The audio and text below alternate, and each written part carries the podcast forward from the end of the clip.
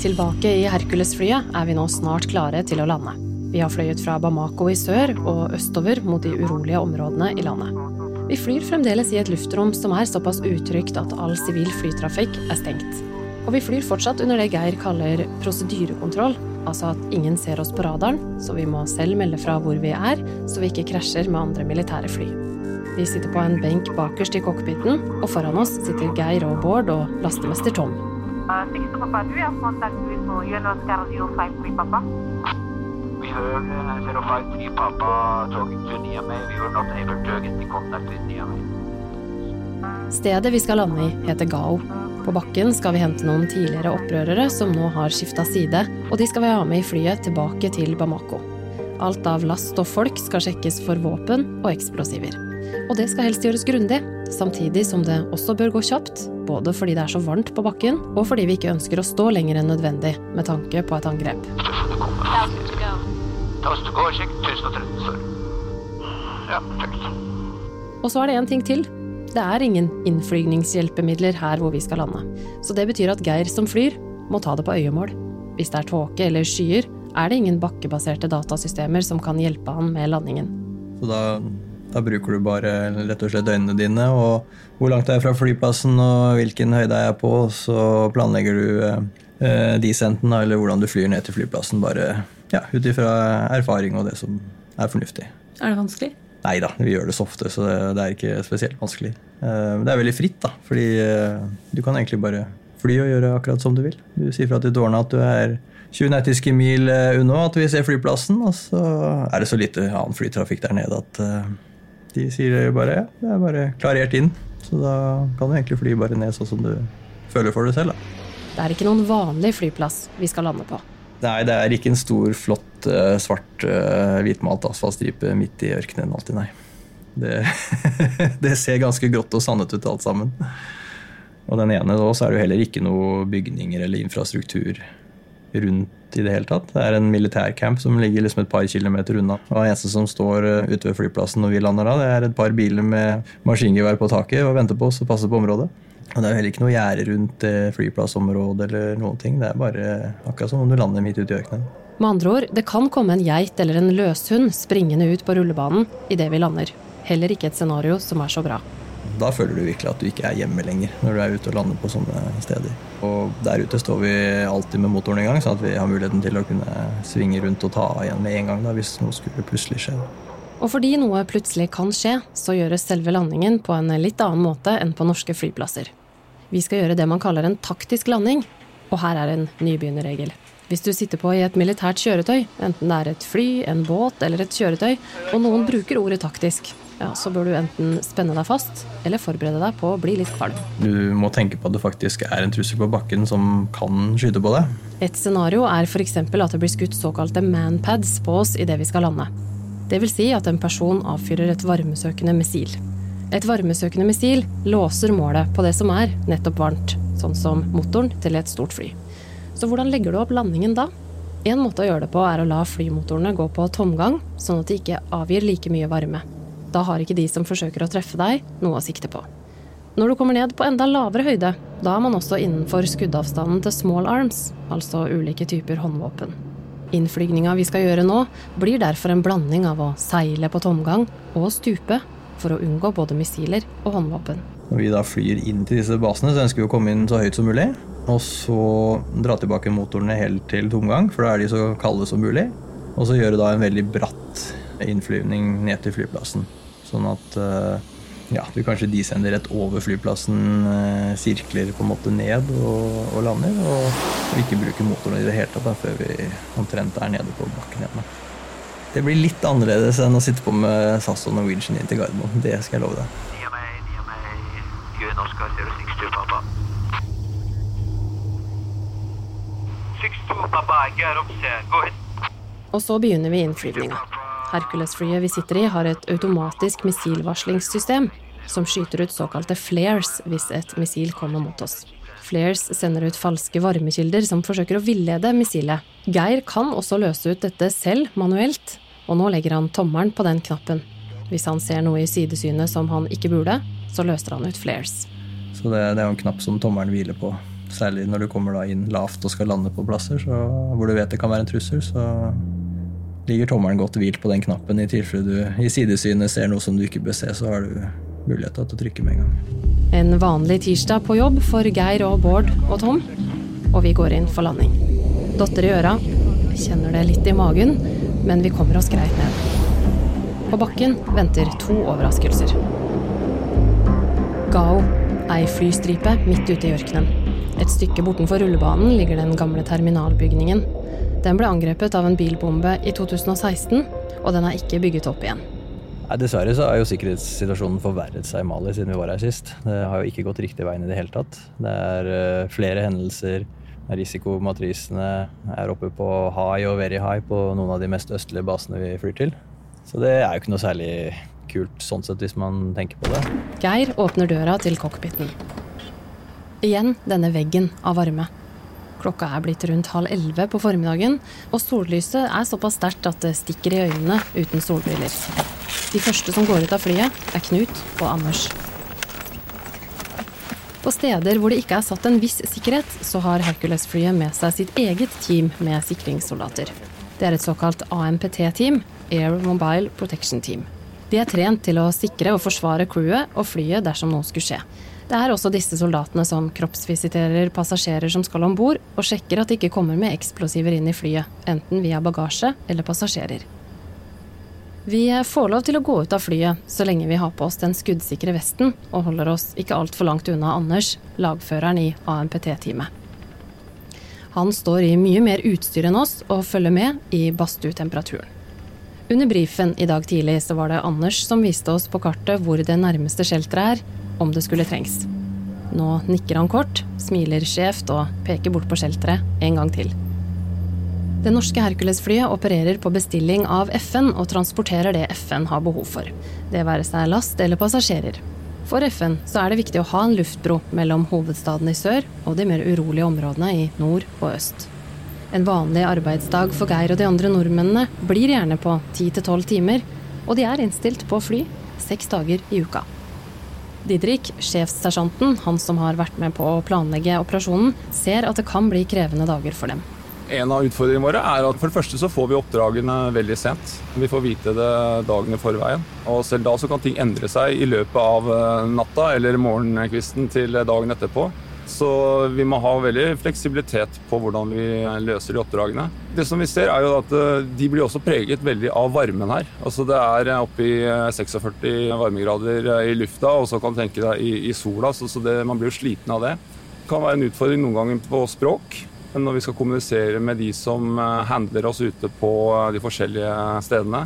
Så det kan være en utfordring. Og så har vi også det trusselbildet som ligger bak. Fordi Mali er så stort, så er dette områder som staten ikke greier å ha kontroll på. Tidligere har tuareg-folket i nord ønska å løsrive seg og ha kontrollen selv. Men nå er altså dette bildet mye mer komplekst, fordi islamistiske opprørsgrupper også har blanda seg inn i kampen om ressurser. Og der staten ikke greier å beskytte de sivile, så trer terroristgrupper fram og tilbyr sin beskyttelse. Dilemmaet for soldatene blir derfor ofte å balansere behovet for å ha så kort bakketid som mulig pga. faren for å bli angrepet, opp mot ønsket om å løse oppdraget som FN har bedt de om. Vi ønsker ikke å bli stående for lenge ute på utestasjonene. For det har vært en del, eh, ikke mange, men det har vært noen eh, angrep eh, rettet mot flyplassene hvor vi lander på. Med bombekastergranater eller raketter som har vært siktet inn mot flyplassen. Så vi ønsker ikke å stå der lenge. Og når det da blir forsinkelser, så er det et ekstra stressmoment som flyverne og vaktmannskapene og lastemesterne må ta hensyn til. Og det er det som skjer nå. For det viser seg at passasjerene, de tidligere opprørerne som vi egentlig skal ha med i flyet tilbake til Bamako, ikke kommer likevel. De tidligere opprørerne ønsker å ha med seg våpen fordi de mener at de er i fare fordi de har bytta side. Det har FN i morgentimene nå sagt nei til, og inntil man har blitt enige, så møter ikke de passasjerene opp. Tida går, varmen den steker. Jeg går bort til Anders, han som står og passer på flyet i varmen fikk jo deleis da, at flyet ble forsinka pga. at det var et passasjer du skulle ha med. Så kom et annet fly som også var forsinka. Vi må egentlig bare gå ned på hvor mange folk vi har rundt flyet, sånn at vi kan holde ut lengst mulig i varmen.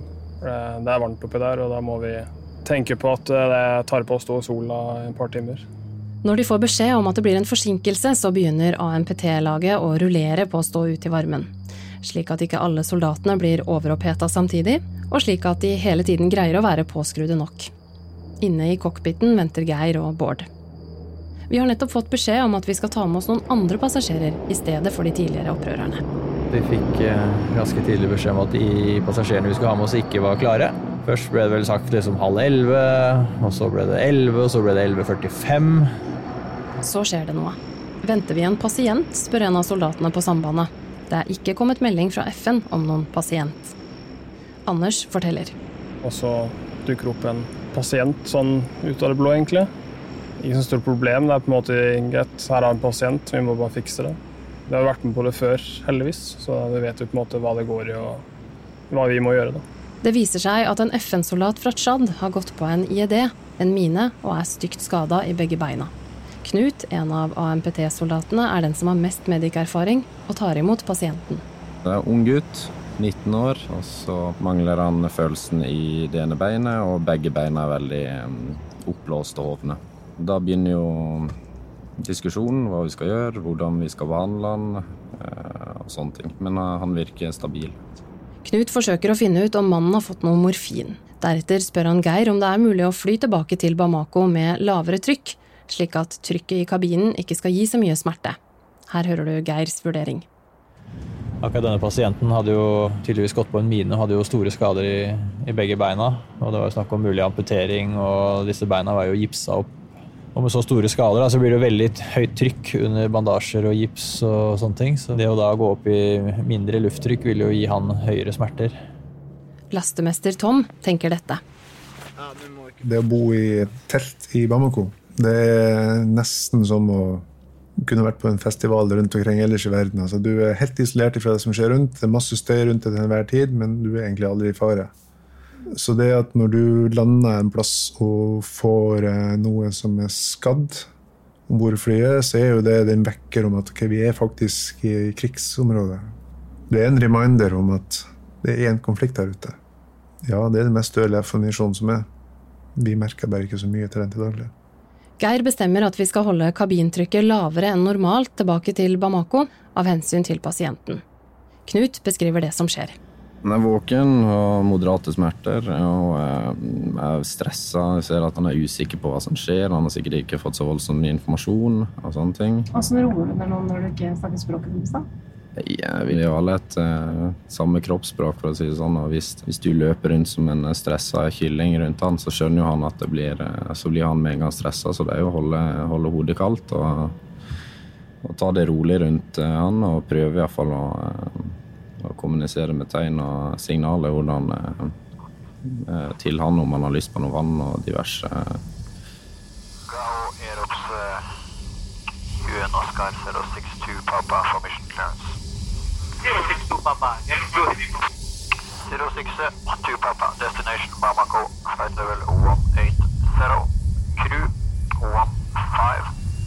Pax four two. Cargo. Nil. Endurance 4.0. 1 patient on stretcher and one escort. 062 Papa, Aerops Cabinet, mission clearance approved. Flyturen tilbake ser ut til å gå greit. Det ser faktisk også ut til at vi kommer fram i tide, før kveldens tordenvær. Stian, som fortsatt passer på hjemme i leiren, har vært i Mali i halvannen måned. Han begynner å venne seg til varmen og uværet her i regntida. Det er andre ting som har gjort mer inntrykk på han. Når du drar utafor leir her, så ser du, ser du små unger som fører går midt på gata, inne på veiene og sånn. Som folk kjører hele tida og prøver å selge lime eller noe sånt til deg for at du skal kjøpe og gi dem penger. Det er jo trist å se. Jeg har jo småsøsken, og de er jo enda mindre enn småsøsknene mine. som er der. Står og selger og prøver for å få inn penger til familien. da. Jeg syns det er skikkelig trist, men vi kan jo ikke gi noe til dem. Gir vi noe til dem, så må vi gi noe til alle, og da blir det, hoper seg opp. Så du legger merke til fattigdommen ute her, da. Så det, det treffer jo deg når du ser det. Ser hvordan folk har det. Hva tenker du um, om å på en måte være en del av, en, av den MINUSMA FN-operasjonen, da? Hva betyr det noe for deg? Det betyr jo veldig mye for meg. Jeg jobba jo hardt mot det. Så det å endelig få, få bære den blå capsen og bærheten og sånn, det, er det, er det er jo litt kult. Ja, ja, hvorfor det? Hvorfor syns du det er viktig? Nei, det er jo For meg da, så er det det største som en vaktsoldat kan gjøre da, i Forsvaret. Du kommer jo liksom ikke høyere enn dette her som vaktsoldat. Så for meg så betyr det veldig mye. Og det er artig å ta på seg det blå og så drar ut og leir. Og da er det unger som får vinke til deg og syns du er, ser litt rar ut for at du er hvit i huden. og Det er litt artig å se. De setter pris på oss. Tilbake i flyet. Jeg vil oppleve litt varme etter hvert, da, Marie. Ja, absolutt. Det ble plagsomt til slutt. Ja, men eh, verst for de som har vært ute, ute hele dagen. Ja, ja, det også, er ikke bra for å stå ute så varmt. Det er ikke noe moro. Og hvor lang tid ble bakketida vår nå? To og en halv time, kanskje? Vi landa 08.17, når vi tok av 11.38. Tre timer og eh, tre og en halv time. Det er tre og en halv time bakketid, ja. ja. får trøste oss, men det kunne vært verre. Det kunne vært verre, det kunne vært verre. Vi hadde jo faktisk flere timer å gå på. Så altså, du i full gass, så tar vi igjen det her på turen hjem. ja, det... Nei, men det er sånn det blir noen ganger på Afrikaturer, det. Vet aldri hva som skjer. Så i tillegg så har vi jo fått med oss en eh, pasient eh, eh, som var vel heller ikke planlagt. Så det var en kar som har gått på en eh, IED, Improvised Explosive Device, så han har fått skada beina sine. Hjemmelaga mine. Hjemmelaga mine, ja. ja.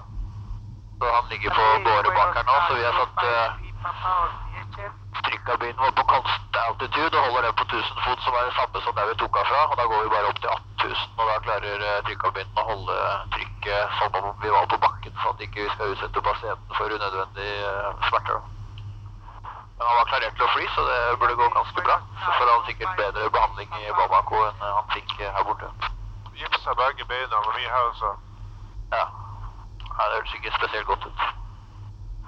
Jeg vil påstå at eh, turen og ventinga og missionet føles jo brått mye mer meningsfylt ut da, når vi får opp bord sånne typer passasjerer.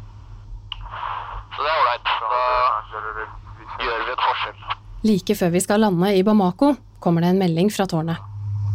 Break, break, uh, all stations, all station Bamako radar. Bamako airport is closed from uh, 1317 to 1352 due to uh, number one flight. Skal vi ligge i holdning en halvtime? Ja.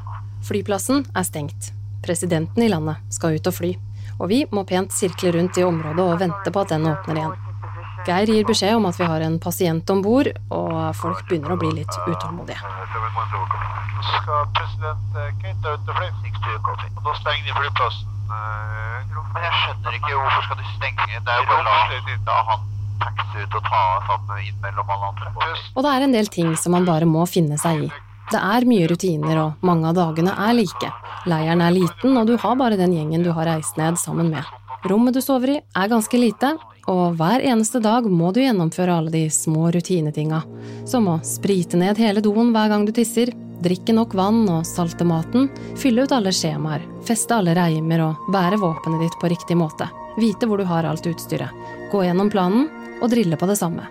Alle disse bitte små detaljene er ganske kjedelige, men de er viktige den dagen det plutselig skjer noe, for innimellom så gjør det jo det. Alt gikk egentlig som eh, normalt, som planlagt. Det var normal aktivitet på flyplassen. Ingenting som tilsier at det skulle bli noe spesielt den dagen. To uker senere. Det norske crewet har fløyet til Timbuktu og deretter videre til Gao, samme sted som vi landa for to uker siden. Et sted midt ute i ørkenen med noen gamle terminalbygg rundt. Lastemester Tom har egentlig ikke tenkt til å være med denne dagen. Han er ferdig med oppdraget sitt i Mali om noen dager, men han sier likevel ja til en siste flytur. Så den turen er han bare med for å veilede de som skal overta, og vise dem rutinene på bakken. Planen for dagen virker ganske grei, og han gleder seg til å komme hjem. Så var vi eh, akkurat ferdig med lasting. Så jeg skal bare hoppe av lasterampa, gå rundt flyet og liksom bare sjekke at det er alt ok foran, og så skal jeg starte opp motorene, og så skal vi dra hjem. En hjelpemotor som gir strøm, står og durer. Det er mye støy, så Tom har øreproppene i. Likevel hører han en lyd som ikke skal være der. Når jeg hopper av lasterampa, så hører jeg noe som høres ut som en sånn ertepistol som bare promper liksom borti det fjerne. Og så tenker jeg at det der høres ut som skudd. Og så bak flyet så står det en eh, fra sikringslaget vårt. Og så snur meg mot han og skal til å si til han det jeg akkurat tenkt at det der høres ut som skudd. Og så har jeg ikke før tenkt tanken, for så Og da ser jeg det kommer springende her er på en avstand av sikkert eh, 150 meter. Så kommer det løpende eh, sivilkledde mot oss, eller mot et hushjørne, altså liksom, mens de ser bak seg. Så det var jo tydelig at det har skjedd et eller annet på baksida av denne containerrekka som jeg ikke ser, da, men som disse her hadde vært vitne til. Han rekker ikke å tenke noe mer. Så kjenner jeg trykkbølger, så hører jeg eksplosjon, og så ser jeg ildkule som vokser opp en 100-200 meter bak meg, og jeg hører korsetter som eh, flyr i luften over huet på meg. Og da går tida sakte. Initielt så bare hopper jeg rett bak i skjul bak lasterampa vår. Og så ligger der Det jeg forventa som skal skje, er at det eventuelt kunne komme flere granater som har blitt kastet inn i leiren, og som skulle eksplodere. Og jeg ligger der hva jeg tror er ti sekunder, men det kan jo være mye kortere. Og så husker jeg at jeg tenkte at uh, her kan jeg ikke ligge. Så jeg spretter opp, sprenger inn i flyet. For da må jeg frem og finne hjelm, skuddsikker vest, våpen, hvis tilfellet skulle skje noe mer. De fleste inne i og rundt flyet har nå fått med seg hva som skjer. De som ikke allerede har utstyr på seg, er i full fart med å få på seg vest og utstyr. Eh, når du løper inn i flyet og står med vesten, hva er det du tenker på da? Jeg tenker på at uh, det her var min siste flytur i Afrika for denne gangen. Og det er så forbannet typisk at det skal skje da. Det tenkte jeg. Det var liksom uh, Jeg skulle bare være med for å vise dem rutiner på de forskjellige plassene. Og det er typisk at det skal skje. Den som flyr flyet, er også fartøysjef og har ansvar for mannskapet. Fartøysjefen har nå bestemt at de skal komme seg til et av de nærliggende shelterne istedenfor å starte flyet og fly av gårde. Et shelter kan være bygget opp på mange måter, men er i utgangspunktet et sted hvor du kan søke dekning fra en trussel, og derfra planlegge ditt neste trekk. Hver gang vi lander på en flyplass, så går sikringslaget ut, og så sjekker de at shelterne er klare, og de kan bruke dem. Og hver dag så hadde dette primærshelteret vært åpent. Men i dag så var det faktisk lost. Laget bestemmer seg likevel for at litt dekning er bedre enn ingen dekning, og at de skal løpe bort shelteret som ligger om lag 150 meter unna, selv om det er låst. Innen alle er klare, viser det seg likevel at AMPT-teamet, de soldatene som er sikringsteam for å passe på flycrewet, har tatt saken i egne hender. De har ikke lyst til å skyte opp låsen, fordi det allerede skytes rundt dem, er de redd for at det vil skape mer forvirring om det plutselig skytes ved shelteret som mannskapet skal løpe til. Du har sikkert hørt om at man blir sterk av adrenalin, og kanskje er det det som skjer nå. En av AMPT-soldatene greier i alle fall å sparke opp hengelåsen og åpne porten. Derifra så var det liksom sprengskjelter, og det var på drill. Det her er noe vi har trena. Vi har trena skarpt. Vi har skutt skarpt det her med det her sikringsgjengen før. Så vi var liksom alle innforstått med hva det innebar. Åssen var den løpeturen der, da? Den turen gikk veldig på drill. Det var veldig liksom på gammel trening som å slå inn. Det var liksom ja, Nå har jo ikke en på en måte ansvar for noen på det flykrøet, det er jo fartøysjefen som har, men det var liksom Har vi alle sammen med oss? Følge meg opp og ut, se om ser noen som ikke skal være der, som kommer imot oss. Tidsperspektivet har jeg ikke. Det var liksom min helt egen boble. I tillegg så var det liksom siste turen min, så der slapp jeg ytterligere av. Og når du ikke får noe som helst forvarsel på det som skal skje, og du har helt slappa av i tillegg, så har det vært helt absurd. Det var det. I dette tilfellet består shelteret av en 20-fots container bygget opp med sandsekker rundt. Det er egentlig et varmeskap. For det øyeblikket du kommer inn dit, så er det ikke noe ventilasjon. Altså, hvis du har klaus, så får du det der inne. For der står du bare det svetten renner, og det er alt det du har med deg. Vann og informasjon, det er det du hadde med deg inn i shelteret. For du har ingen input utenfra det øyeblikket du står inne. De blir stående i shelteret, eller varmeskapet som Tom sier, og vente. Sikringssoldatene fra AMPT-laget ligger utenfor shelteret og sikrer. Det vil si at de er klare til å skyte dersom det kommer noen for å angripe shelteret. Situasjonen er fremdeles uavklart. Det de vet, er at det har gått av en eksplosjon noen hundre meter unna. De vet ikke om det vil komme flere eksplosjoner, de vet ikke hva slags angrep det er snakk om, eller hvor dypt inn angrepet vil gå. Samtidig som dette skjer, er Geir i hovedleiren i Bamako. I leiren har de satt sammen en stab og øver på et krisescenario. Det er nemlig sånn at man øver og driller, også når man er ute i en operasjon. Man skulle kanskje tro at man øvde seg ferdig hjemme, og så, når man drar ut, så øver man ikke. Men drill og øving, det er noe som skjer hele tiden. I dag øver de på hva de skal gjøre dersom flyet må nødlande et sted det ikke bør, og hvor de har behov for å sende radiosignaler hjem til hovedleiren og hjem til Norge. Øvelsen er godt i gang, øvelsesnødsignalet er sendt ut og mottatt hjemme i Norge. Og nå driver Geir og de andre i staben og nøster i hvordan kommunikasjonslinjene har gått. Hvem har fått vite hva i hvilken rekkefølge, og hva kan eventuelt forbedres? Det er da det tikker inn en tekstmelding til Geir. Fra en på crewet, eh, hvor det står så enkelt som at eh, Hei, kan dere utsette middagen eh, litt i dag? Vi har gått i shelter. For det har skjedd noe her ute. Så da blir det litt sånn Oi, ok.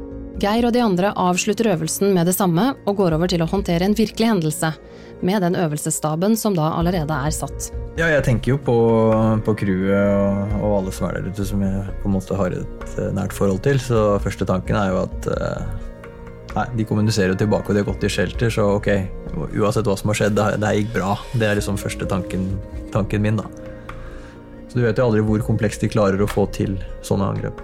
Så det er alltid knytta spenning til uh, hva skjer etter det første smellet. Er det bare det, eller kommer det noe mer? Og det er jo det de som står i shelteret nå lurer på.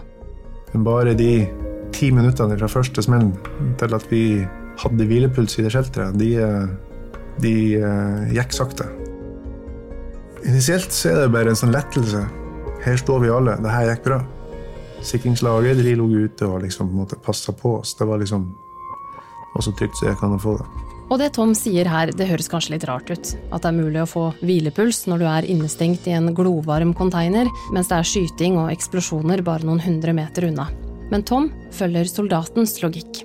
Det er i hvert fall ikke like eksponert. Du har noen som ligger ute og passer på det. Og så vet du det at uh, slik som eh, de fiendtlige styrkene der nede opererer, så er det relativt trygt der vi står. Og nå går det an å få hvilepuls. Det høres kanskje absurd ut, men uh, ting virker rolig. Etter om lag én time i shelteret får de klarsignal til å starte opp flyet og dra fra Gao. Det kvarter vi sto der før at vi fikk eh, flyet opp og gå, det tok lang tid. Så tar man jo av, og så klatrer man ut. Vi er på skuddhold ennå en stund. Men når vi kommer så høyt at eh, vi anser at nå er vi over alle trusler, så ser vi i ettertid at det var først da jeg slapp av. For den eh, to timers flyturen tilbake til Bangkok, den husker jeg ikke mye av. Jeg sov ikke, men eh, det var bare tomme setmestøvler som satt i flyet. Hva tenker du om det nå, da? Hva tenker du nå? Jeg tenker at jeg hadde litt flaks. Flaks kan man jo ha.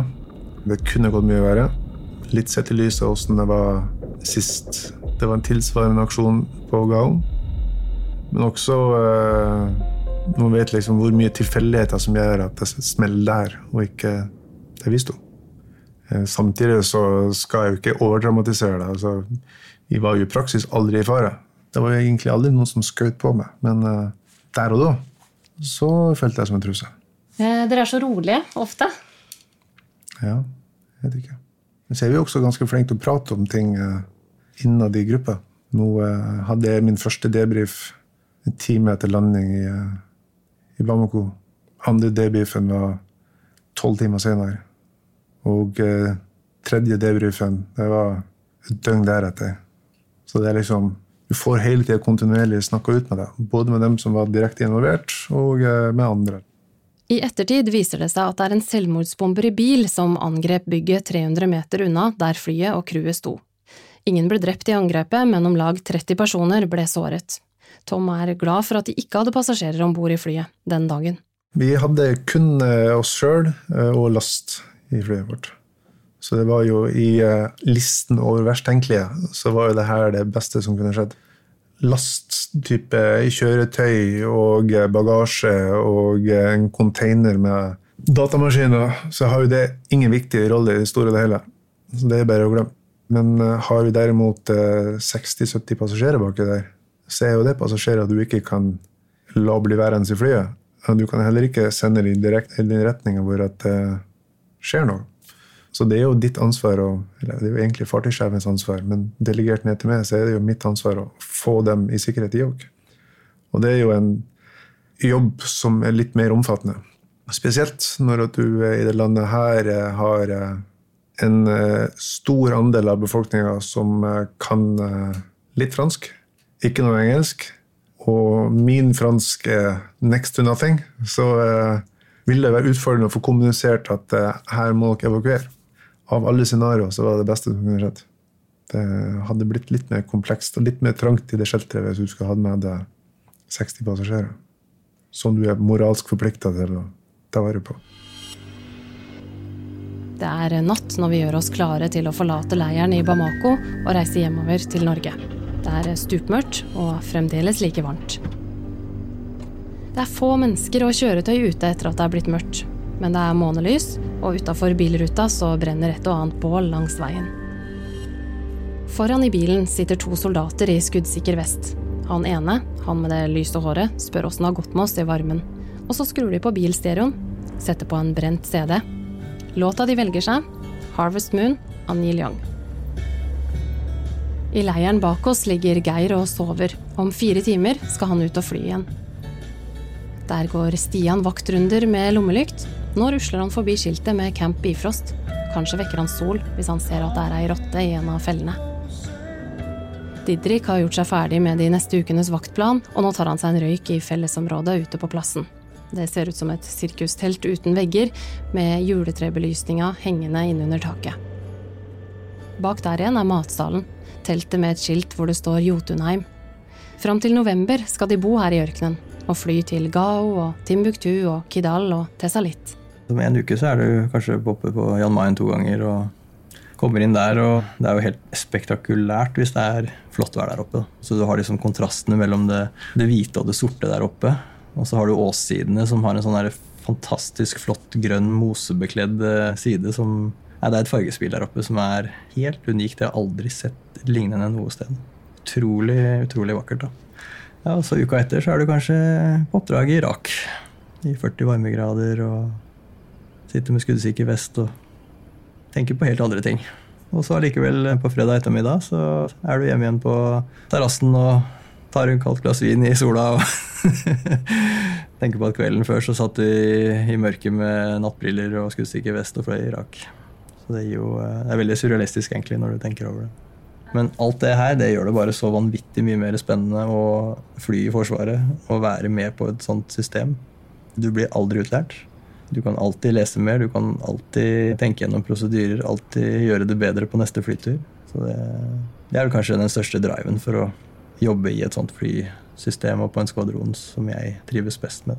Det er at jeg hele tiden får utfordra meg selv. Det blir ikke kjedelig. Den hvite FN-bilen skrangler videre i månelyset.